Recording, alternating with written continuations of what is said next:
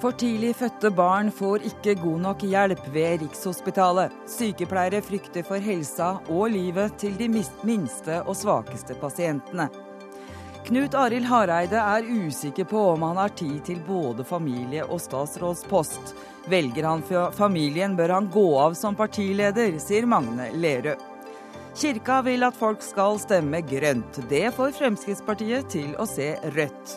Og i morgen kommer biografien over kvinnesakskjempen Fredrikke Marie Kvam.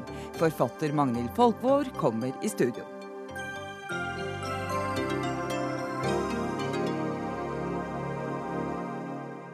Velkommen til Dagsnytt 18 her i NRK P2 og NRK2. I studio Eva Nordlund. Fylkeslegen i Oslo og Akershus har oppretta tilsynssak mot intensivavdelingen for for tidlig fødte barn ved Rikshospitalet.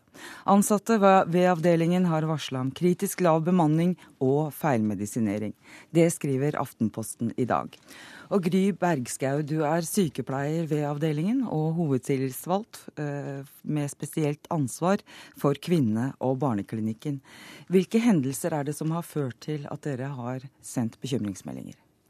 Vi har i lang tid vært eh, veldig bekymra for arbeidsbelastningen og pasientsikkerheten på nyfødtavdelingen, både på Rikshospitalet og på Ullevål. Eh, vi har meldt fra internt i flere fora. Eh, første gang jeg meldte fra som klinikktillitsvalgt, var høsten 2009.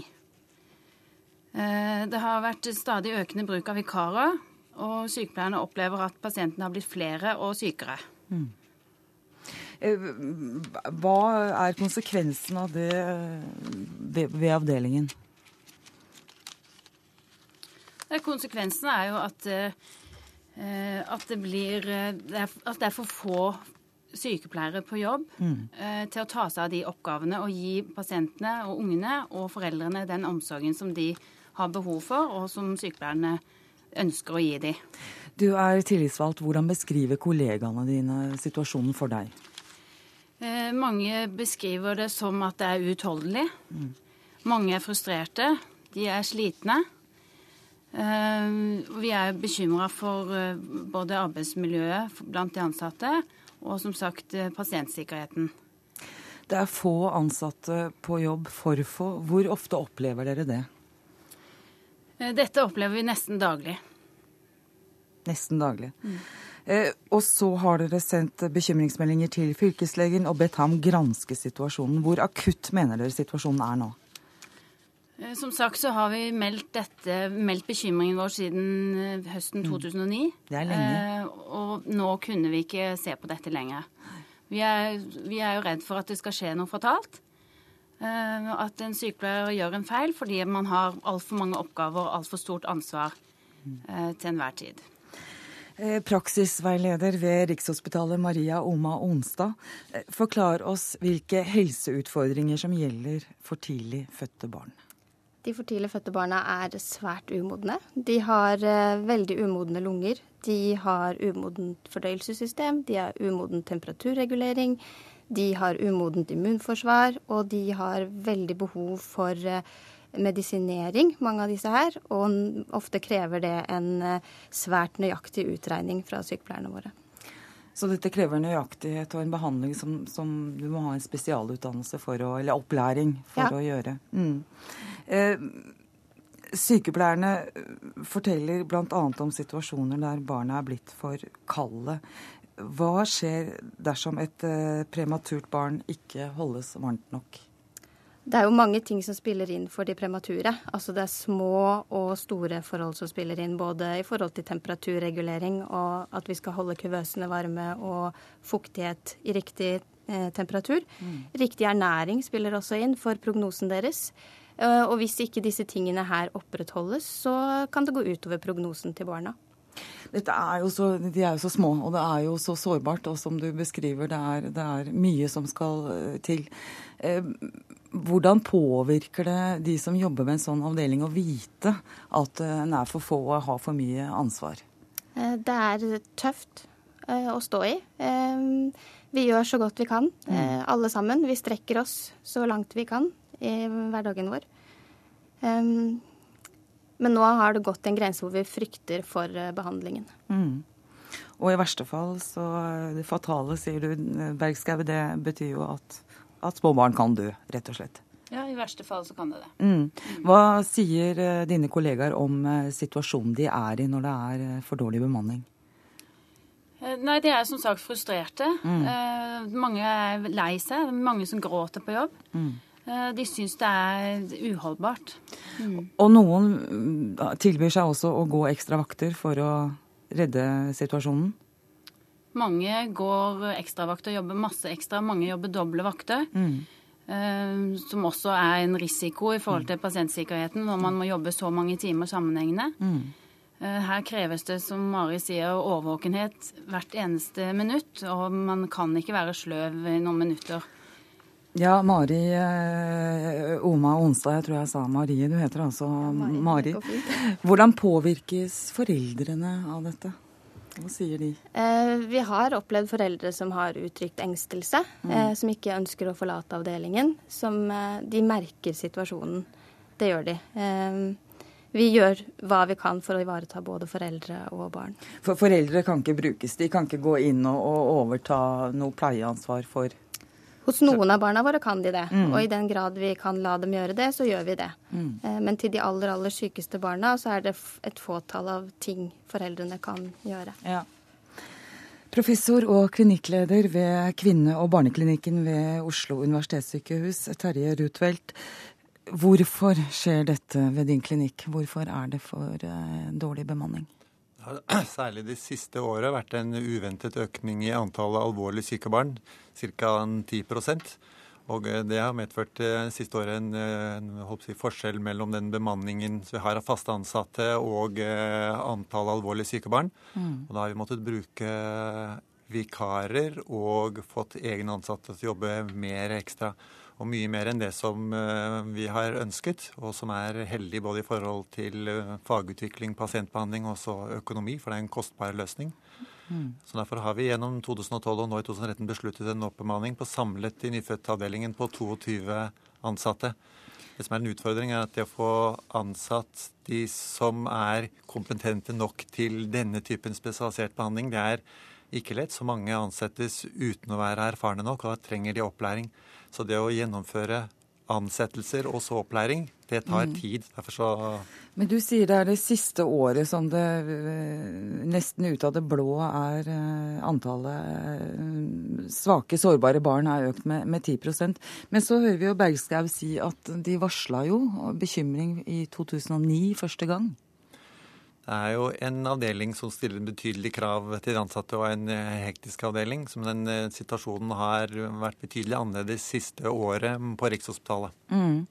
Men øh, er det ikke mulig å ha en bemanning som er litt mer robust? Øh, som gjør at den tåler at det kommer 10% flere pasienter en periode?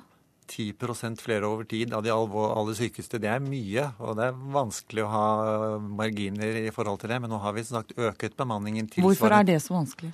Det er jo et eh, spørsmål om ressursbruk eh, innenfor de rammene som vi har.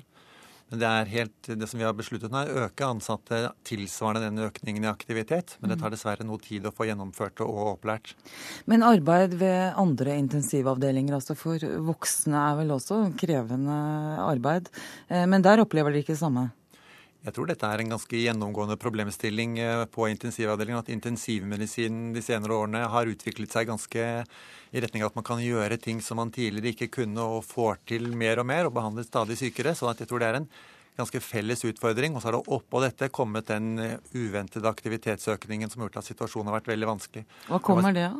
Ja, det vet jeg ikke, men det er noe med utviklingen innen medisinen. Så jeg vil si at uh, De ansatte gjør en kjempeinnsats for å få dette til å fungere nå, men den belastningen som de utsettes for, er ikke holdbar over tid. og Derfor har man også sagt gjennomført den oppbemanningen. Ja, barneombud Anne Lindboe, vi hørte deg på radioen i dag tidlig si at det er ikke bare ved Rikshospitalet Ullevål det, det er sånn? Nei, dessverre. ja. dette er nok et problem med veldig mange av nyfødtintensivene rundt omkring i Norge. Vi har noen avdelinger som er veldig gode, og så har vi andre som sliter mer med ressurser. Og det er veldig viktig at rammebetingelsene og, og de økonomiske tilskuddene til avdelingene er gode nok til å sikre en, en forsvarlig grunnbemanning hele tiden. For her har man kommet veldig på, på hæla, rett og slett.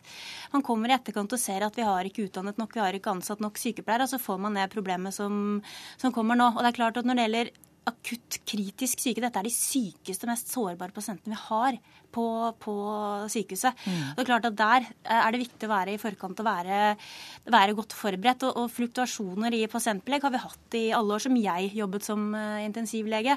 På Ullevål i hvert fall. Så, så, så, det er jo ikke noe uventet at det i perioder er overbelegg. Eh, både i uker og måneder om gangen. Eh, og da er det viktig at man har en grunnbemanning som gjør at, at man takler også sånne. For det, det kan få fatale konsekvenser, som det sies her. Det å feilmedisinere eller ikke kunne ha nok oppmerksomhet på hvert enkelt enkeltbarn, for de er fryktelig skjøre. Bergskau, du sa du meldte, dere meldte fra første gang i 2009. Betyr det at her var det for få ansatte i utgangspunktet? At det ikke er den 10% som Ja, vi mener det. Mm. Uh, og vi, vi, har jo, jeg har jo referatet tilbake til 2004. Mm. 2004. Uh, hvor, ja, hvor man har hatt problemer med å få avvikla sommerferie. Uh, fordi at det er Altså grunnbemanning Vi mener at det er pga. at grunnbemanningen er for dårlig. Mm. Eh, vi mener at man må ta høyde for at folk skal ha ferie. Det er noe vi vet at alle skal ha. Og vi må også ta høyde for sykefraværet. Mm. Eh, og også den opplæringsplikten på en måte som, som vi har på sykehuset. Mm. Eh, og det opplever vi vel at ikke blir gjort i noe særlig grad. Lindbo. Jo, det er en annen ting som jeg også er bekymret for, og det er dette som jeg er veldig opptatt av, nemlig familiebasert nyfødtomsorg. Eh, det er en annen ting som er viktig å ta fatt i, at barna skal få ha foreldrene sine hos seg. Eh, og både på Rikshospitalet og mange andre steder så er det ikke lagt til rette for det i dag fordi arealene er så knappe, fordi også sykepleierne rett og slett ikke har nok tid og ressurser til å gå inn og gjøre den ganske krevende oppgaven og sørge for at, barna får ha foreldrene sine hos seg hele tiden. Men, men, hvor viktig er det? Nå skal vi ikke sette ting opp mot hverandre, men uh, i forhold til at det er sykepleiere utdannet Vi har hørt her at det krever uh, spesialkompetanse og, og, nøye opplæring, i dette her. Uh, er det er vel kanskje viktigere å starte med, med fagpersonellet? Begge deler tenker jeg er like viktig. Det er klart at eh, det aller viktigste er jo selvfølgelig forsvarlig medisinsk pleie og god omsorg.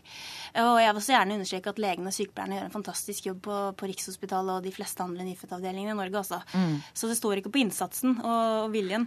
Eh, men, men, forskningen viser nå at, at, de minste som får ligge tett inntil foreldrene sine, de vokser fortere, de blir mindre stressa, det blir kanskje færre liggedøgn, de får en bedre utvikling, bedre tilknytning og også eh, bedre kognitive kapasitet, altså gjøre det bedre på skolen senere. Og det er ganske vesentlig eh, for, eh, for et barn, sånn at eh, disse tingene henger sammen. Man må ha, ha nok pleieressurser, nok, nok leger og, og, plass til, og plass til foreldrene. Mm. Rutevelt, vi hørte her at det er ikke nødvendigvis de ti prosentene. Her var det litt dårlig stelt i utgangspunktet. Jeg skjønner at bemanningen er eh, utfordrende også til vanlig, men jeg tror at det er et mer sånn felles eh, fenomen innen intensivmedisinen. At, uh, ja, det er vel ikke bra det heller, når det er intensivmedisin? Nei, man ønsker ofte å kunne gjøre det enda litt bedre og enda litt mer enn det man klarer. Så må vi prøve å få det til på best mulig måte. Men er det sånn at dere skal prøve å få det til nå, eller har dere plan for å få til eh, sånn at det blir nok folk på disse viktige avdelingene? Nå er det som sagt eh, vedtatt og i stor del ansatt de 22 eh, nye fordelt på Ullevål og Rikshospitalet. Så er det opplæringsbiten av dette som er et langt løp. Og da skal de være på plass i tidlig høst en gang? De fleste ansatte vil være på plass, men alle vil jo ikke være på langt nær ferdig opplært så tidlig. Hva skjer da i tiden fram til de er på plass? Vi må jo da bruke vikarer i den grad det er nødvendig, og egne ansatte fortsetter å gjøre en betydelig innsats i forhold til dette. Bergskau, er du trygg på at dette vil eh, bedre seg drastisk? Ja, altså jeg er trygg på at eh, nye stillinger vil gjøre situasjonen bedre.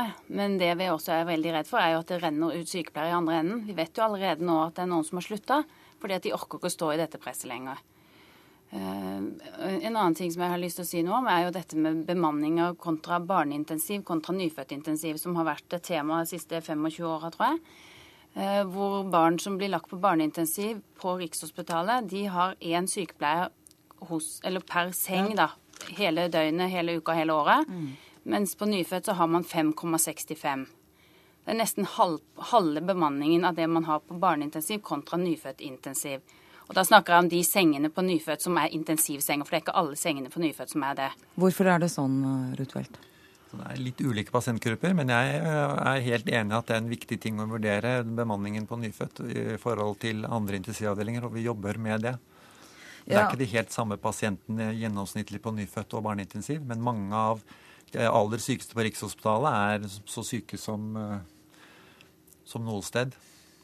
Ja, Mari Joma Onstad, du eh, har altså jobben med å lære opp de som nå skal inn og, og gjøre en jobb, og de som har, er der nå og gjør en veldig krevende jobb. Hvordan ser du på dette at altså, litt eldre, større barn har én sykepleier, mens det står helt annerledes til med de, de svakeste, minste? Nei, er, Vi har en kjempeutfordring der. I, siden vi har så dårlig bemanning hos oss, så er det heller ikke lagt til rette for opplæring. Eh, det her kommer det nyansatte som er rett fra sykepleierutdanningen. De får mm. seks ukers opplæring. Det er altfor lite til å kunne ta seg av de syke barna våre. Eh, ekstravakter som skal begynne hos oss i sommer, får tilbud om fem dager.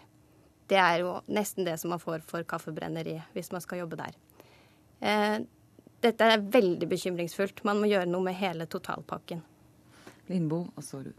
Ja, jeg vil gjerne komme med en oppfordring til helseministeren vår eh, om å komme med klare føringer til de forskjellige helseforetakene om mm. å sørge for å prioritere disse sykeste og mest vanskeligstilte barna vi faktisk har. Sørge for at de økonomiske rammebetingelsene er eh, gode nok til å gi forsvarlig omsorg. Og så kommer vi til å følge med i Barneombudet. Vi har et prosjekt i år der vi besøker alle, eller nesten alle nyfødtintensivavdelingene i Norge for å kartlegge situasjonen andre steder i Norge også.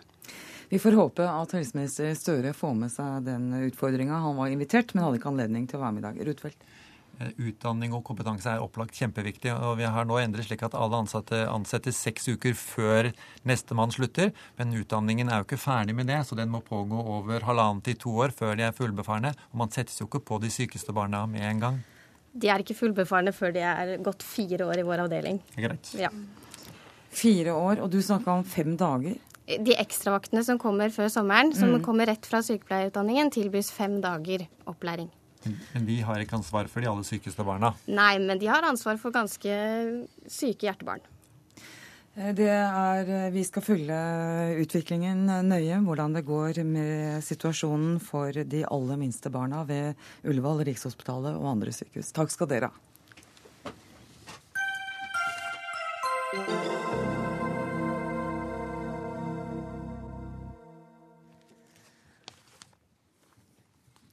Kristelig Folkeparti-leder Knut Arild Hareide vet ikke om han ønsker å være statsråd i en eventuell borgerlig regjering. Dermed åpner han for en fem måneder lang periode med spekulasjoner om sin egen framtid. Velkommen til Dagsnytt 18, partileder i Kristelig Folkeparti, Knut Arild Hareide. Tusen takk. Dersom de borgerlige partiene vinner valget og Erna Solberg tilbyr deg en statsrådspost for ordens skyld, hva sier du da?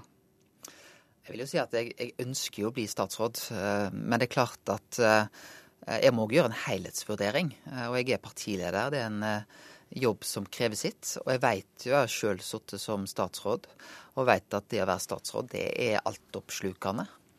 Um, Men er det det som er viktigst for deg? Altså hensynet til å lede partiet? Eller, vi har fått inntrykk av at det er hensyn til familien? Ja, altså det er jo, Jeg er partileder, og jeg har planer om å være partileder i lang tid framover. Eh, og jeg tror det å ha en langsiktighet som eh, partileder i KrF, det tror jeg er bra for KrF òg. Og jeg opplever at der har jeg en brei og god tillit. Eh, og da må jeg finne ut hva som er best for KrF. Og da har jeg valgt å tenke litt høyt rundt at det fins selvfølgelig en løsning der jeg går inn i regjering. Men det kan òg være løsninger der ikke det er en garanti på at jeg skal inn i regjering. Vi har lest i en herværende avis følgende hvis jeg kommer i en posisjon hvor jeg må velge mellom å bruke tid med Sara og Lisa Marie, det er datteren din og kona di, eh, og en statsrådjobb, så velger jeg familien. Er du feilsitert der? Altså Det jeg har sagt, at, eh, det sa jeg til Lise Maria da, da vi gifta oss, at i, i det trekantforholdet som blir mellom Lise Maria, Knut Arild og KrF mm. Hvis det ikke går, så er det KrF som går ut. Mm. Uh, og det, familien og de nærmeste det er det viktigste for meg. Og jeg tror at det er veldig mange som har akkurat den problemstillingen jeg har. Og det å legge til rette for at vi kan kombinere familie og, og jobbliv. Men det er klart at jeg har en litt spesiell jobb. Og jeg vet at det krever enormt med både tid eh, og krefter. Mm. Og jeg ønsker at KrF skal komme inn i regjering. Og det er viktigere for meg enn at det nødvendigvis er Knut Arild som får en posisjon og en regjeringsposisjon. Jeg ser noen fordeler med det, men jeg ser òg løsninger som iallfall er vel verdt for KrF å diskutere, der ikke nødvendigvis jeg er med i den kabalen.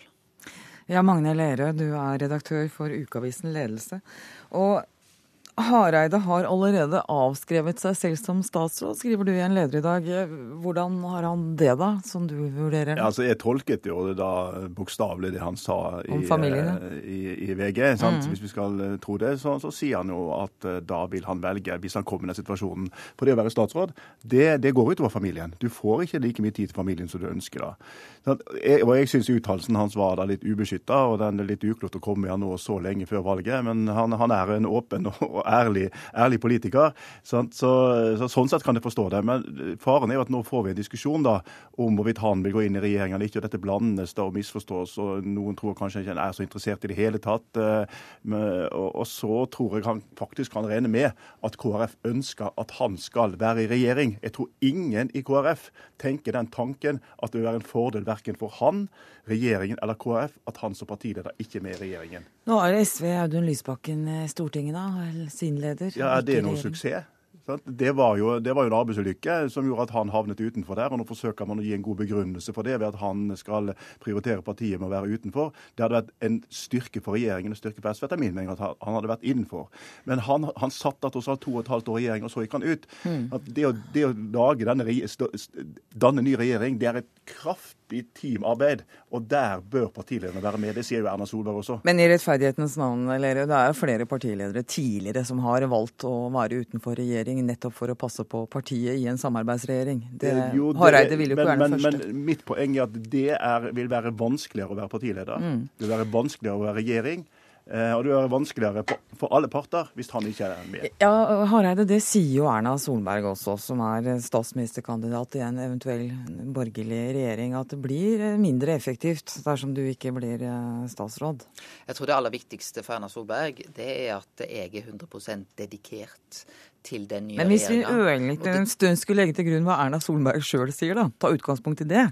Ja da, jeg vet jo òg det at Kjell Magne Bondevik han stilte som et krav han, at de som var partiledere innenfor hans regjering, skulle være med i regjering. Og det var vel ikke tilfeldig? Nei, det får du spørre han om. Men det jeg sier, er at det kan være andre ting som blir enda viktigere. Mm. Uh, og det som jeg tror er aller viktigst, det er at KrF ønsker å gå inn i regjering. Og for meg er det viktig at KrF kommer inn i regjering, enn at det nødvendigvis skal være jeg i min person som er med. Og jeg tror det som er viktig, er at KrF er 100 dedikert. Og det må jeg være som partileder. Og jeg tror at når jeg reiser rundt, så er det ikke sånn at jeg får så veldig mange spørsmål fra velgere hvilken statsrådsposisjon posisjon jeg skal ha, men de er veldig opptatt av hva politikk er det KrF vil føre mm. på veldig mange forskjellige områder. Og det, det om jeg da sitter som landbruksminister eller ikke, er ikke ensbetydende med hvordan KrF er dedikert til dette prosjektet. Men det er kanskje ikke helt uten betydning for dine velgere om du sitter i dette berømte og mektige underutvalget hvor beslutninger tas, og som partileder slåss for å få gjennomslag for Kristelig Folkepartis politikk i en samarbeidsregjering? Ja, men jeg tror det viktigste for KrFs velgere det er at KrF får gjennomslag for sin politikk. Eh, og for å si det sånn, Familiepolitikk så er vi veldig opptatt av at vi må nettopp legge til rette for at folk kan kunne kombinere godt med arbeidsliv og gode familieliv. Der har vi gode forslag. Eh, og jeg tror at det er gjennomslag for KrFs politikk vi blir målt av, ikke nødvendigvis hvilke personer vi setter inn. Og så vil jeg si KrF har veldig mange egna statsrådskandidater. Mm. Der står kanskje vi i en særstilling i forhold til andre parti. Så vi har absolutt råd til å ha denne diskusjonen. Lerøe, eh, så vidt jeg kunne lese i dag, så mener du at eh, Hareide gjennom å tenke litt høyt om dette spørsmålet, som han sjøl sier, bidrar til personliggjøring av politikken og fjerner oppmerksomheten fra partiet sin politikk? Ja. Eller det sa du til oss tidligere i dag, sånn var det. Ja, det Hva legger du i det? Altså, fordi når han da leverer ut sin tvil eh, og deler med hele nasjonen sin egen forståelse av papparollen, ja. så, så gjør jo han da et politikken til personlig, altså hans valg. Eh, har, Familiepolitikk er god politikk. Jo, jo, men, altså, men, han forsøker da å leve opp til den familiepolitikken som KrF står for. Det er på en måte prisverdig. Men, men nå, nå, nå, kommer vi til å diskutere liksom, Hareides eh, papparolle. ikke sant? Hvordan han forstår det å være pappa. Mm. Eh, sånn, sikkert han, han, han risikerer at det blir for mye oppmerksomhet på hans person og hans situasjon istedenfor de politiske standpunktene. Og faren er jo da at noen kan finne på å stille det spørsmålet om om KrF vil være dedikert nok til å gå inn i en regjering når du har en partileder utenfor. Det er jo mm. ikke uten grunn at en statsminister ønsker å ha partilederen med i regjeringen. Det er vel et poeng, Hareide, at du kan eh, risikere å diskutere eh, deg og om en partileder bør sitte i regjering enn sakene? Jeg opplever at eh, KrF Iallfall i den tida jeg har vært med i KrF, så er det et mer regjeringslysten KrF enn noen gang tidligere. Og jeg tror at det som er viktig, er jo at jeg må være dedikert 100% til den regjeringa. Og det gjelder selvfølgelig om jeg eh, blir statsråd i en ny regjering, mm. eller om KrF finner ut at det ikke er den riktige valget. Men så er det en helhetsvurdering av dette. Og, det også, og, og jeg tror at eh, det er veldig mange som på en meget god måte har greid å kombinere småbarnsfedrerollen, mødrerollen, mm. med å være eh, statsråd. Men jeg mener at òg det å være partileder, eventuelt utenfor regjering, vil jo gi meg veldig politisk gjennomslag. Og det kan godt være at KrF-laget totalt sett vil være styrka ved at jeg ikke skal være det. Og den debatten bør ledelsen i KrF òg ta. ikke det et poeng, Lede? Jo, men jeg tror at uh, konklusjonen er gitt. At KrF ønsker sin partileder som statsråd. Åshild Mathisen, du er utviklingsredaktør i Vårt Land. Eh, dersom eh, Hareide velger å holde seg utenfor regjeringa, hvilke konsekvenser kan det få, tror du? Altså, man kan jo velge å hente inn de gamle veteranene, men det er ikke en løsning folk i KrF har så veldig lyst til å begynne å tenke på. Jeg eh, opplever jo at det er en ganske stor irritasjon. Folk som sier at eh, kanskje sjefen vår har gjort sin første store tabbe, som sier at de vil ha en sulten partileder. Når du sier at eh, KrF er lystent på å styre, så virker det ikke så troverdig. Eh, og jeg tror at denne saken kommer til å bli et gnagsår, og at Hareide har sett det i dag at han er nødt til å avklare dette spørsmålet. Eh, for det blir et mareritt eh, å stå og på en måte skulle oppildne sine egne på landsmøtet når alle tenker på ja, men skal du være med? Men det er klart at KrF-ere er jo høflige, og når en eh, KrF-er sier at han vil prioritere de nære verdiene, så er det jo veldig vanskelig å si nei til det. Men hvis én god ting har kommet ut av dette, så er det jo at KrF har fått bevist at man virkelig står for at også pappa skal hjem til kjøkkenbenken. så det må jo være det gode, omdømmemessige som har kommet ut av denne runden. Men jeg tror at Hareide er nødt til å eh, avklare dette ganske tidlig. Og veteraner i KrF eh, mener jo at dette vil være ikke en bærekraftig situasjon. Altså eh, at eh, den unge generasjonen ikke forstår den blå-blå makta som virkelig vil forandre Norge, og der på en måte KrF skal være den sosialdemokratiske festbremsen. Eh, og da må man ha de sterkeste på laget. Men kan du skal få slippe til, jeg skal få slippe til etter kommentatoren her, for det, det er en god skikk. Eh, men kan eh, Hareide sier det jo her, altså, kan jo kanskje styrke partiet at ikke at partilederen faktisk sitter utenfor regjering? Nei. Nei, det kan jeg ikke Nei. forstå. Altså, Du må ha en tilstedeværende og tydelig leder. For en leder er en leder, og man kikker til lederen uansett. Sånn er det bare, Knut Arild. er så ivrig som han skal få slippe til. Vær så god. Ja, nei, for det, er klart at jeg er ambisiøs. Jeg ønsker å påvirke eh, Norge og føre Norge i den retning som, som KrF ønsker, med en familiepolitikk og frivillighetspolitikk som vi har. Men jeg tror at da å legge opp det mannskapet som gjør at vi påvirker i størst mulig grad, er òg min jobb som, som, leder. Eh, og det å være partileder, det er en veldig stor jobb. Ivareta organisasjonen. Mm. Uh, og jeg har jo valgt bl.a. òg å være partileder, men ha en uh, parlamentarisk leder. Det har fungert meget godt. Det har vært en løsning som, med delt lederskap som òg ble en del advart mot. Fordi at de sa det kan føre til splittelse, uenigheter. Vi har mm. mer samla KrF-ledelse enn kanskje noen gang i historien. Så Men det jeg vil avvise, er på en måte at ikke jeg er ambisiøs. Jo, det er jeg. Men jeg skal òg se at de oppgavene jeg tar på meg, i dag er jeg partileder, de skal jeg gjøre på en meget god måte. Eh, og det på en måte å sette sammen det laget som kan gjøre det best mulig, det er òg en leders jobb. Ja, Kan jeg bare si én en ting, og det er at eh, de som eh, tar dette litt mer med ro, sier jo at greit nok, men hvis dette blir et slags symbol på at KrF egentlig ikke vil inn i regjering, så er det et problem. Og det ser jeg ikke bort fra at det kan bli. Men det er jeg enig i. Hvis dette blir et symbol på at KrF ikke vil inn i regjering. Men jeg tror etter fire festdager i Trondheim, så vil hele Norge være klar for én ting. Det er at Norge skal inn i regjering 9.9.2013. Men du er ikke klar. Ja, altså jeg sier at jeg er klar til å ta på meg den arbeidsoppgaven. Det er en ting som jeg syns KrF skal diskutere. Jeg har ikke konkludert. Eh, Og jeg tror at den er en diskusjon som eh, KrF bør være med på. Eh, Og jeg vil legge noen premisser for det.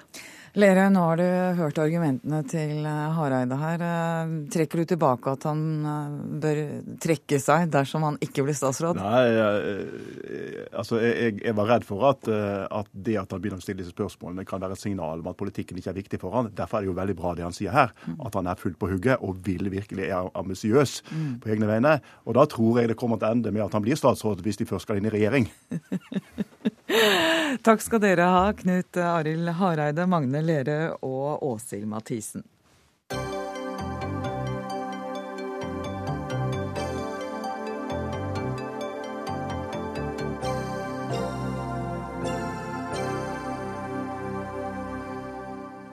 Kirkemøtet vedtok eh, forrige uke følgende formulering. Alle kirkens medlemmer oppfordres til å la hensynet til forsvarlig klimapolitikk avgjøre deres stemmegivning ved årets stortingsvalg. Det provoserer Fremskrittspartiet, som truer kirken med pengekutt. Og stortingsrepresentant for Fremskrittspartiet, Anders Anundsen, hva er problemet med at kirken oppfordrer folk til å stemme på partier som har god klimapolitikk? Ja, Nå er vel det en ganske drøy forenkling om at jeg trua med pengekutt, for det gjorde jeg ikke. Men Nei. jeg sa at hvis vi får en kirke som beveger seg i partipolitisk retning, så Ja. må vi vurdere hvordan Vurdere vi for framtida skal finansiere alle trossamfunn, egentlig. Ja. Om det er riktig at vi gjør det på denne måten vi nå gjør, gjennom skatteseddelen, eller om vi må forvente at de krever inn sin medlemskontingent selv. Og det har jo flere uh, utredninger om eh, religion og, og fremtidig tilknytning mellom stat og kirke også selv vurdert. Så det er ikke så veldig revolusjonerende. Men det jeg syns er utfordrende, det er f.eks. når Kirkemøtets egen pressetjeneste legger ut på sin webside følgende overskrift. Ehm, alle kirkens medlemmer oppfordres til å stemme grønt ved årets stortingsvalg. Det er en klar bevegelse i partipolitisk retning. Jeg er opptatt av en kirke som skal mene ting, og som skal engasjere seg i viktige ting. Men jeg er også opptatt av en kirke hvor Bård Vegar Solhjell og jeg kan sitte på samme benkerad i kjerka og være medlemmer av den samme kjerka, være like inkludert i den kjerka, uavhengig av hvilket parti vi tilhører. Og jeg reiser på en måte en slags advarende pekefinger, fordi jeg vil ikke ha en kirke som vi har i Sverige, hvor det stilles partipolitiske lister til kirkevalgene. Men, men hvilke partier er det du mener dette handler om, da? Du, du har nevnt Solhjell som sitter ved din side her. Det er et grønt parti. Ja, i, politi andre? I politikkens verden så er det jo tre grønne partier. Ett gult, og ett rødt og et par blå. Ja, Venstre, Så- Senterpartiet og SV? Venstre, Senterpartiet og SV er å regne som grønne partier, hvis ikke Kirken da mener at den skal blande sammen blått og gult, for det blir jo også grønt. Men, eh, så det kan jo åpne for nye fortolkninger. Men jeg syns rett og slett den måten å tenke på for en kirke er livsfarlig. Miljøvernminister Bård Vegar Solhjell fra SV, du eh, mener at dette er fint? At Kirken oppfordrer om å stemme grønt? Ja, jeg, mener vi skal ha ei mer samfunnsengasjert, politisk om du vil, kirke. Jeg tror jeg tror- Partipolitisk? Nei, det syns jeg ikke. Men jeg vil si at jeg tror likegyldighet, det å ikke bety noe i sin tid, det er den største trusselen. At kirka bare er et sted vi møter opp en del av oss på julaften og ferdig med det. Eh, alle virk, viktige trossamfunn betyr noe i samfunnet sitt og bryr seg om det. Så er et viktig spørsmål er det å være grønn, altså bry seg om miljøet, er det partipolitisk? Nei, vet du hva? Da betyr jo det at all stillingstaken i våre viktigste etiske og, og politiske spørsmål vil være partipolitikk. Jeg syns tvert imot at vi skulle se at hvis eh, For å si det sånn, om man er Men Dette solid- handler om å oppfordre om en viss stemmegivning ved valg, da. ja, men eh, et av de viktige spørsmålene som eh, kirka tar opp, er jo nettopp det etiske dilemmaet knytta til at vi er i ferd med å gjøre ting med kloden vår som kan få dramatiske konsekvenser for menneskeheten, klimaendringene. Et annet som ligger i kirkas kjernebudskap, er solidariteten med de som er svakest. Skulle ikke da kirka òg si stem solidarisk, stem grønt? Eh, eller på andre måter engasjere folk i det. Eller på andre sida, for jeg er opptatt av at kirka skal engasjere seg òg i saker der de kan være uenige med meg. Det er òg nemlig anetiske spørsmål der det vil være andre partipolitikere som kanskje er mer enige med deres standpunkter. Men poenget er vi partipolitikere må tåle politisk engasjement, eh, klare meningsytringer for kirka. Det vil gå ulike veier, men det er riktig å ha en engasjert kirke. Dette viser jo egentlig det jeg peker på som en utfordring for Kirken. For Solhjell, som eh, da har fått Kirkens velsignelse for sitt parti, for å kalle det det, han er kjempefornøyd og mener at dette er en riktig utvikling. Jeg som opplever det på en annen måte, og som sitter på den andre sida, opplever det helt motsatt. Og det er den diskusjonen Kirken ikke bør gjøre seg selv til offer for. Føler du deg ekskludert av Kirken? Nei, jeg gjør egentlig ikke det. Og jeg er enig med Solhjell i at vi skal ha en engasjert kirke som kan mene det de vil, men de må vite at de er et kirkesamfunn. Og et kirkesamfunns oppgave i livet er ikke å sørge for at bestemte partier med en bestemt politikk skal velges ved demokratiske valg. Og Derfor reagerer jeg sterkt når de oppfordringene kommer. I tillegg så har jo Kirken slutta seg til klimavalg 2013, som helt åpenbart har en politisk agenda. Så det er en rekke sånne steg som Kirken har tatt over tid, som jeg mener er riktig nå, å si at nå må Kirken tenke seg om om jeg, dette er den partipolitiseringen de ønsker jeg, eller ikke. Jeg syns du blander partipolitikk og samfunnsengasjement her. Grønt er partipolitikk. For hvis, hvis man ikke skal oppfordre folk til å stemme ut fra de viktige etiske overbevisningene man har, så kan man heller i grunn ikke har meninger. Men, ta, men jeg kan jo stille Solhjell et konkret spørsmål. Både for bioteknologi, spørsmål som abort, er et annet tema mange i kirka har vært engasjert i. og de har vært engasjert i. Mener du at kirkemedlemmer skal deles inn etter partipolitisk farge? Mener du det er viktig for en kirke å signalisere at det er noen partier som ivaretar kirkens interesser bedre enn andre? For det er den utviklingen jeg advarer mot. For da får vi en svensk modell hvor det er partipolitikere som stiller til valg. Og jeg kan jo engasjere meg i kirkedemokratiet nå og kaste ut de lederne, eller bidra til å kaste ut de lederne jeg mener tar feil. Men, men jeg vil ikke ha den konflikten. Jeg mener som alle på Kirkemøtet unntatt fire at klima og miljø skal være blant de vesentligste spørsmålene i vår tid, og at det er en del av Kirkas oppgave, det kristne budskap, å føre et engasjement inn i samfunnet men på det området. Men er det Kirkens rolle å si hvilket parti du skal stemme på? Nei, men det har de heller ikke gjort. Ja, men det er oppfordret oss til å, men, å, ta stilling i de spørsmålene òg når vi stemmer. Da jeg tror, Andersen, du, du misliker det fordi, at, fordi dumme, dere ikke er et miljøvennlig parti. Nei, men jeg tror det er så enkelt det kanskje er i bunn her. Ja, Det er jo bare tull. Fordi vi må tåle både en budskap vi er uenig i, og vi må tåle de vi er enig i. Men vi trenger en, en meningsfylt kirke som tar stilling. Men, det går tilbake til Jesus Kristus å være en kontroversiell person. Men, men apropos... jeg, er litt, jeg er litt overrasket over at Solhjell ikke ser forskjellen på den diskusjonen vi faktisk nå er inne i.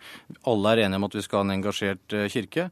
Men hvis vi begge er enige om at vi ikke skal ha en partipolitisk engasjert mm. kirke, så må vi også være enige om at Kirken ikke skal blande seg inn i hvilke partier en bør stemme på som kirkemedlem. For det gir altså signaler til Kirkens medlemmer som men, er men veldig har, negative. og det er symptomatisk for den diskusjonen, den reaksjonen Solhjell nå kommer med. Nå kommer vi til eh, Jesus Kristus og teologi, så da passer det vel å si velkommen til deg, leder i Kirkerådet, Svein Arne Lindø. Du er med oss fra studio i Stavanger. Ja, god dag. God dag. Det er vel i praksis partipolitiske føringer dere legger når dere oppfordrer velgerne til å prioritere klimapolitikken og stemme grønt? Når Kirkemøtet hadde denne saken oppe bare for kort tid siden, så var det et veldig viktig poeng at dette ikke var partipolitikk, men dette var en etisk dimensjon over en veldig viktig politisk sak. Sånn, jeg vil hevde veldig sterkt at det som vi både har uttalt og sagt, ikke kan, må eller kan tolkes til støtte for enkelte politiske parti. Jeg ser at... Ja, men er det, mot, er det, mot, noen partier, da? Nei, altså, det er ikke mot noen partier heller. Men vi sier til våre, våre medlemmer i Kirken eh, undersøk partienes eh, klimapolitikk, og la det være en viktig del av din vurdering når du, når du bestemmer deg hvilken stemmeseddel du skal ha. Men vi har så langt ifra bestemt bestemt oss for at det er noen partier som, som godkjennes, andre som ikke godkjennes. Men klimapolitikk må være en viktig del av vårt valg når vi stemmer denne høsten. Andersen. Men det er jo dette som egentlig understreker eh, poenget, fordi her blander man seg rett inn i det som er partipolitikkens sfære. Jeg syns det er helt greit at Kirken markerer sine standpunkter i bestemte spørsmål, eh, men jeg syns det er en annen ting å gjøre som de gjorde rett etter kirkemøtet, og si at folk skal stemme grønt. De som er i Kirken er jo ikke dumme, de ser jo at dette er et politisk, eller partipolitisk fargevalg som Kirken her gjør. Og hvis det ikke har vært meningen, så er det jo veldig rart at de skriver det på den måten. Og så kan det hende så kan det hende, bare for å ha sagt det, det kan hende jeg overreagerer. Det kan hende at jeg føler at dette er verre enn det Kirkemøtet kanskje har ment. Men er det egentlig ikke Kirkens oppgave å kommunisere sånn at ikke de bidrar til å få medlemmene til å føle seg ekskludert? Da bør kanskje Kirken tenke litt på måten de kommuniserer på. Ja, Linde, hvis ja. dette ikke er mynta på spesielle oppfordringer om ja. å stemme spesielle partier, eh, er det da beklagelig at det er noen partier som føler seg, føler seg ekskludert her? Nei, jeg vet ikke om jeg vil beklage at noen føler seg ekskludert. De burde kanskje heller undersøke uh, sin egen klimapolitikk og se om den er attraktiv for de som uh, så mange medlemmer som skal stemme. Jeg ser at dette, dette ordet grønt eh, tolkes eh, partipolitisk. Eh, I vår forståelse av ordet grønt i denne sammenheng så handler det, det, det er et symbol for klima og de viktige klimaspørsmålene.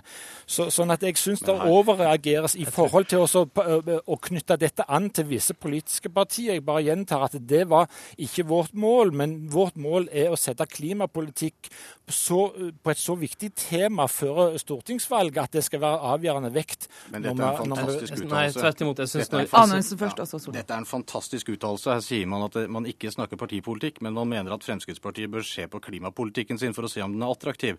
Da er det jo rett inn i den partipolitiske sfæren. da. Det er jo akkurat det som er problemet, og utfordringen med det er at da vil sånne som meg engasjere meg enda mer i det kirkelige demokrati mm. og kaste ut kirkeledere som mener at det skal være en partipolitisk kirke. Så har du et konfliktnivå i kirken vi ikke trenger.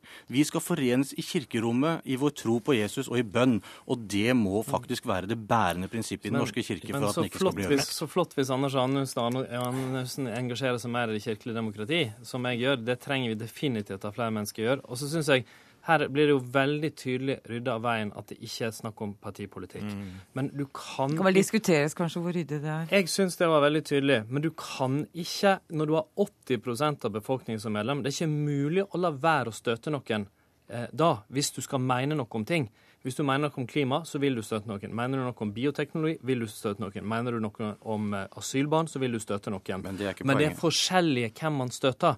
Og jeg syns eh, Anders Amundsen skulle, skulle ta utfordringa, jeg.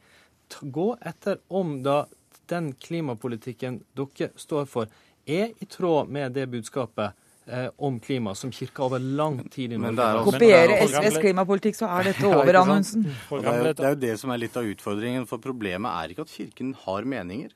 Problemet er ikke at Kirken støter folk fra seg eller med sine meninger, for det må en til tider finne seg. Problemet er at dette brukes inn i en valgkamp for å aksjonere for bestemte partier med et bestemt politisk engasjement. Lindø, vær så god. det er å gå over streken. Jeg vil få lov å understreke at i denne saken så handler det Det viktigste for Kirken i denne saken, det er jo hvordan vi forvalter vår, vår oljeformue, eh, dette fondet. Eh, eh, og, og, og det, det, vil, det, er like kritisk mot våre sittende myndigheter på hvordan vi har forvalta den, den, den, formuen. Nemlig det at den ikke har kommet den fattige del av, av klodens befolkning til gode på en, på en, skikkelig måte.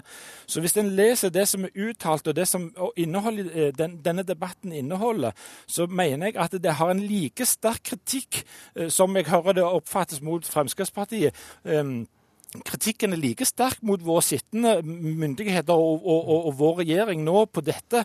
For det som er vårt hovedbudskap, det er jo at vår enorme formue, 4000 milliarder kroner som står på bok, må investeres slik at det kommer òg den fattigere del av befolkningen en, til, til, gode på en helt annen måte. Det har vi råd til i vårt samfunn. Og det er et politisk og det er et etisk spørsmål. Det er en kritikk av deg, miljøvernminister Bård Vegar Solhjell. Det, det stemmer. Jeg, jeg, jeg, jeg spiste middag med en av våre biskoper i går faktisk, som framførte mye av det samme budskapet, og kan skrive under på at det er ganske kritisk eh, mot den politikken som føres på viktige punkter.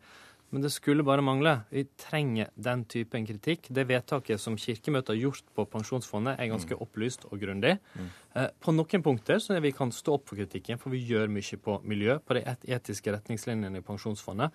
Men jeg syns den kritikken òg viser at uh, vi har faktisk uh, en vei å gå. Fordi eh, det er alvorlige utfordringer mot verdens klima og miljø som ikke godt nok er reflektert heller i dagens pensjonsfond. Jeg syns det er veldig synd at Kirken ikke evner å ta noe selvkritikk for dette i det hele tatt. Måten Kirken kommuniserer på har over tid utvikla seg i en retning av mer og mer partipolitisering. Det bør ikke fortsette, og det bør Kirken ta med seg inn i videre kirkemøter. Du får siste ord, leder i Kirkerådet, Svein Arne Lindø. Ja. Ja, jeg kjenner meg ikke igjen i den kritikken. Jeg vil ikke ta. Vi driver aktiv, eh, et aktivt samfunnsengasjement i de sakene som har et spesiell etisk dimensjon over seg. Vi eh, ønsker ikke at vår kirke generelt skal bli politisert, som en får inntrykk av. Men vi må være en stemme på vegne av, det, av, den skaper som har skapt dette skaperverket vårt, den mester som er vårt forbilde, på å si ifra når vi mener at det er urett mot det skaperverket og de menneskene som bor på denne jorden. Men da kan du stemme på noe annet enn grønt. Takk skal det går òg. Fikk den bekreftelsen. Takk skal du ha, Svein Arne Linde, leder i Kirkerådet. Takk til Bård Vegar Solhjell fra SV, og til Anders Anundsen fra Fremskrittspartiet.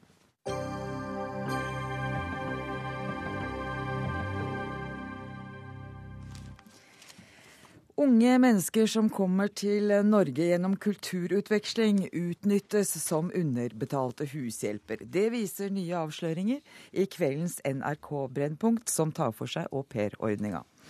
Jette Christensen, du sitter i kontroll- og konstitusjonskomiteen på Stortinget for Arbeiderpartiet, og du mener at hele aupairordninga bør avskaffes. Hvorfor det? Jeg mener eh, at, eh, eller Det Arbeiderpartiets faste eh, standpunkter er at aupairordningen er til for au pairen, ikke for vertsfamilien. Aupairordningen skal være kulturutveksling. Så har vi sett nå og flere ganger tidligere at familier som er vertsfamilier for au pairer, ikke bare utnytter de, men andre ganger så ser man at man rett og slett er vitne til alvorlig kriminalitet, sånn som den Brennpunkt-dokumentaren viser. Derfor så har regjeringen lagt fram en del, varsla en del tiltak for å rydde opp i dette. Eh, for det er helt umulig å sitte og se på. Men allikevel Den alvorlige kriminaliteten, to ord om den. Hva kan det være? Eh, sånn som jeg ble vist med, i denne Brennpunkt-dokumentaren som ble vist på NRK senere i kveld, så var det en ung jente som ikke fikk lov å spise sammen med familien sin, som ikke fikk lov å gå ut, som jobba mye lenger enn det hun skulle, som ikke fikk, fikk lov til å ha sitt eget rom, f.eks. Og det, det er en studie i brudd på absolutt alt mm. som aupairordning skal være. Eh, og det kan man ikke eh, sitte og se på. Det gjør noe med tilliten i samfunnet vårt, og det gjør mm. noe med, med, med verdiene våre. Eh, derfor har vi lagt fram en, en hel rekke tiltak for å styrke rettssikkerheten deres, for å passe på at de au pairene som er i Norge, ikke er omsorgsansvarlige hjemme. Mm. Det er viktig å passe på at de ikke har sine egne barn å, å ta vare på mens de er her, og ikke minst legge til rette for en karantene. Og jeg oppfatter at det her er viktige tiltak tiltak som ikke kom et sekund for tidlig. Nei, men nå kommer det jo tiltak. Er det ikke da i orden? Hvis, en, hvis disse håndheves, så må det vel være greit å ha au pair i Norge? Jo, altså i utgangspunktet så burde man jo eh, ikke ha trengt noen av disse tiltakene hvis eh, familier som er vertsfamilie hadde oppført seg skikkelig mot de au pairene. Mm. Det er dessverre ikke tilfellet. Da må mm. vi bruke politikken eh, til å styre det. Per Sandberg, du leder justiskomiteen på Stortinget for Fremskrittspartiet. Eh, hva syns du om å avvikle hele ordningen? Nei, det er jeg imot. Eh, og jeg skjønner jo også at Arbeiderpartiet ikke ønsker det. Eh, nå skal de legge fram et lovforslag til min komité i løpet av vår sesjon, som går på enkelte forsterkninger i forhold til kvalitetssikring, både av au pair, av vertsfamilien og kanskje et kontrollregime som er sterkere også. Og Det var akkurat det samme som jeg signaliserte i Dagsnytt 18 eh, 9.9. i fjor, tror jeg. Da hadde vi også samme Husker diskusjon. Du så godt? jeg tror vi hadde samme diskusjon. Jeg gikk samme løypa da. Eh, men da var jo debatten på hvorvidt at en skal legge ned hele ordninga. Mm. Men jeg håper og tror at eh, Arbeiderpartiet står fast på at man nå eh, heller prøver å kvalitetssikre dette på en bedre måte. Eh, eh for her er det titusenvis av ungdommer rundt omkring over eh, hele verden som faktisk har betydelig godt utbytte av både kulturutveksling, språkutveksling, samfunnslære, mm. som fungerer utmerket. Men så er det riktig, som Jette sier.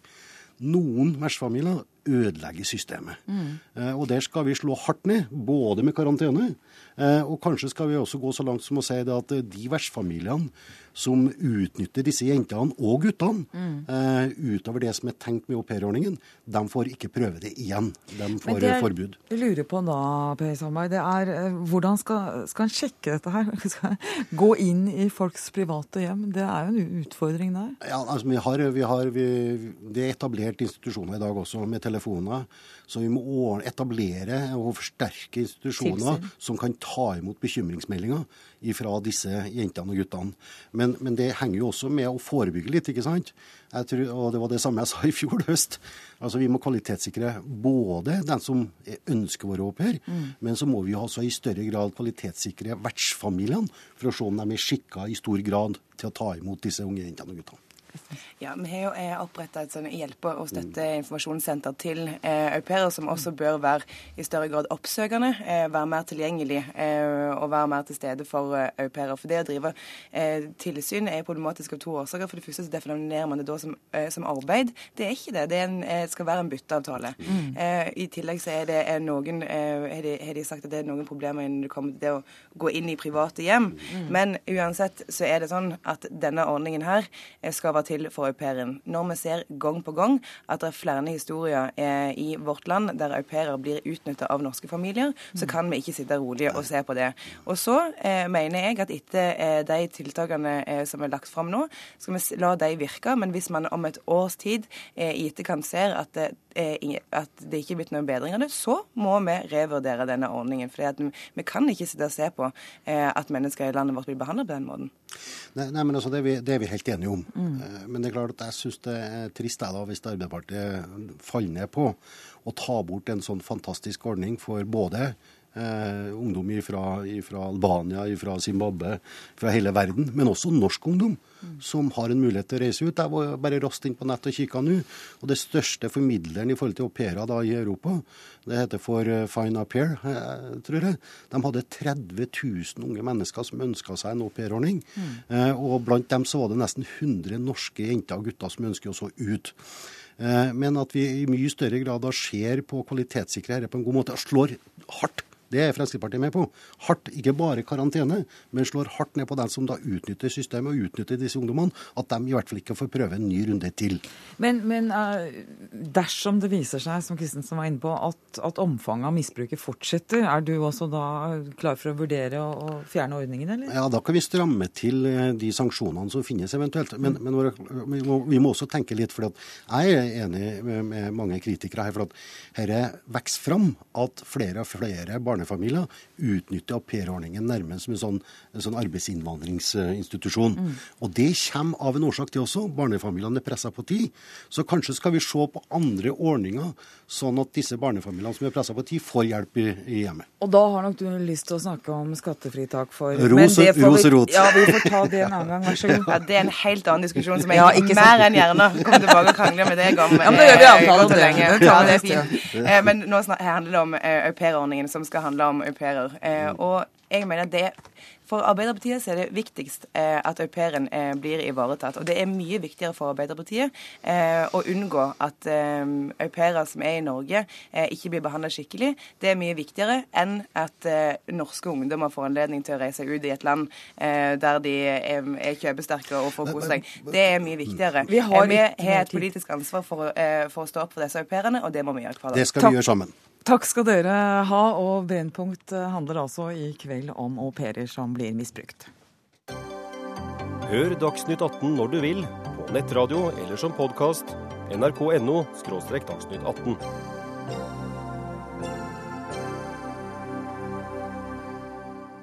Hun eh, ruver i norsk kvinnesakshistorie. Hun var av de store strategene. Hun het Fredrikke Marie Kvam og ble født i Nord-Trøndelag i 1834. Kvinnenes internasjonale stemmerettskamp på dette feltet, og på dette felt alene, har nutidens Norge vært et foregangsland. Fru Kvam er derfor en av de eneste norske politikere i dag man kan betegne som en verdenshistorisk skikkelse, skrev Wilhelm Keilhaug, heter han om Fredrikke Marie i 1915. Og i morgen så kommer biografien over eh, Fredrikke Marie Kvam, rabaldermenneske og strateg. Og den har du skrevet, journalist og forfatter Magnhild Folkvord. Velkommen. Takk for det. Lita korrigering. Hun var født i 1843. Du kom i skade for å si 34. Jeg, der har jeg stokka Hun var feil. født i Trondheim, men hun vokste, opp i Nord-Trøndelag. Ja. Fint, da har vi det på plass. Eh, verdenshistorisk politisk eh, skikkelse, og det i ei tid da kvinner ikke var særlig synlige i offentligheten. Det er ikke dårlig. Nei, men så gjorde hun jo også en ganske så enestående jobb. Altså, hun, har, hun sto i spissen for det som førte til at norske kvinner fikk full stemmerett. Og det, hun var på ingen måte alene om det arbeidet, men jeg tviler på at stemmeretten har kommet så tidlig som den gjorde, hvis ikke hennes innsats har vært med. Og så var det altså da en eh, mann, Wilhelm Keilhaug, også er en spennende mann som vi kan snakke om en annen gang, men eh, som løfta fram fru Kvam og sa at hun var av verdensformat. Hvorfor gjorde ikke kvinnene det sjøl, både i datida og i, i ettertid? Vi har jo hørt om Fredrikke Marie Kvam, men vi har kanskje hørt mer om Gina Krog? Eh, Når det gjelder eh, stemmerettskampen, så er det Gina Krog som har fått æra i den offisielle historieskrivinga. Mm. Og det er jo mange grunner. Mye en kan lure på hvorfor det ble sånn. Altså, Ingen skal ta fra Gina Krog noe ære for det hun gjorde som den første som snakka høyt og var med og laga Kvinnestemmerettsforeningen i 1885, da Kvinnesaksforeningen ikke turte å sette stemmeretten på sitt program. Og hun var en utmerka taler, hun var en viktig skribent, og hun var redaktør for eh, kvinnetidsskriftet Nylende.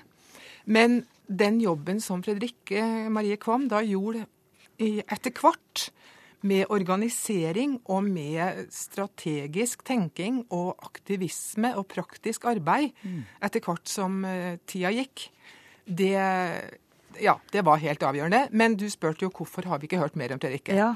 Og det kan jeg tenke meg flere svar på. Én ting er jo da at Gina Krog var den første Hun var ei synlig dame. Ja. Hun, Flink til å prate. flink å prate, hun gjorde seg på talerstolen. Og kanskje spilte en rolle at hun hadde sin base i Kristiania. Fredrikke kom fra bygda, og det tok sin Men ikke fra noen små kår, akkurat. Klassemessig var jeg helt på høyde med, med de her Kristiania-damene som Mm. jobba for stemmeretten. Men ja, hvorvidt det betydde noen ting, det, det blir spekulasjoner i ettertid. Men så er det jo nå med at uh, organisasjonsarbeid har ikke samme status som det å være taleren og skribenten som produserer og sender ting ut i verden. Eh, Jeg har jo både sagt og tenkt at eh, organisasjonsarbeid kan av og til sammenlignes litt med husarbeid. Det er helt nødvendig, men det syns ikke hvis det ikke, eh, annet enn når det ikke blir gjort. Men disse svære underskriftslistene altså Da, da vi samla inn kvinneunderskrifter i, i 1905, 1905, ja, ja. Det må jo ha krevd et enormt organisatorisk arbeid. Ja. Altså det er, Folk har jo trøbbel med å skjønne det i dag.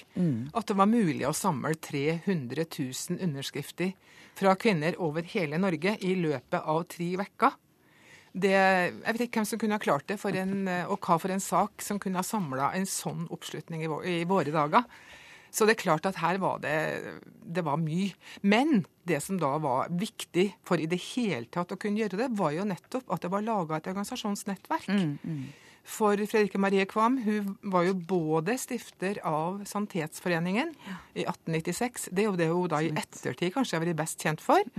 Men hun var jo da også den som i samarbeid med Gina Krog stifta Landskvinnestemmerettsforeningen to de- år etter Sanitetsforeningen. Og De jobba jo mye parallelt, men så var de litt uenige og krangla litt av og til. Og det, du beskriver til og med noen hersketeknikker. Eh, Det var kanskje ikke noe begrep da, men vi skjønner det når vi leser det. Og ikke minst, det var 17. mai-tog. Når var det? Så jeg ikke tar 1889? Det var i 1889. Og det var jo da Fredrikke var jo på den tida i hovedsakelig i Kristiania. Hun var medlem i Kvinnestemmerettsforeningen, og hun hadde vel, så vidt jeg husker, også et styreverv, men hun hadde ikke fått den posisjonen i kvinneorganisasjonene som hun senere fikk. Men hun tok opp spørsmålet om ikke Kvinnestemmerettsforeningen burde delta i 17. mai, altså i stemmerettstoget 17. mai. Ikke sant? Det Samme- hører jo med at det, var flere, det gikk flere tog på 17. mai. på Det syns ikke Gina Krog var noen god idé, for det var arbeiderbevegelsen som skjedde. Sannsynligvis Sannsynligvis så var det det som var grunnen. Det ble Ikke ikke, sagt rett ut, men eh, da, da tørna de sammen. Og da Da skrev Fredrikke til mannen sin og var helt si oppgitt. At etter å ha lest boka er det ingen tvil om at Fredrikke Marie Kvam eh, ikke sto tilbake for eh, Gina Krog. Hun hadde også en veldig eh, spennende livshistorie. Det var slutten på denne sendinga. Ansvarlig for sendinga er Siri Storstein Hitten. Teknisk ansvarlig Karl Johan Rimstad, og her i studio Eva Nordlund. God kveld!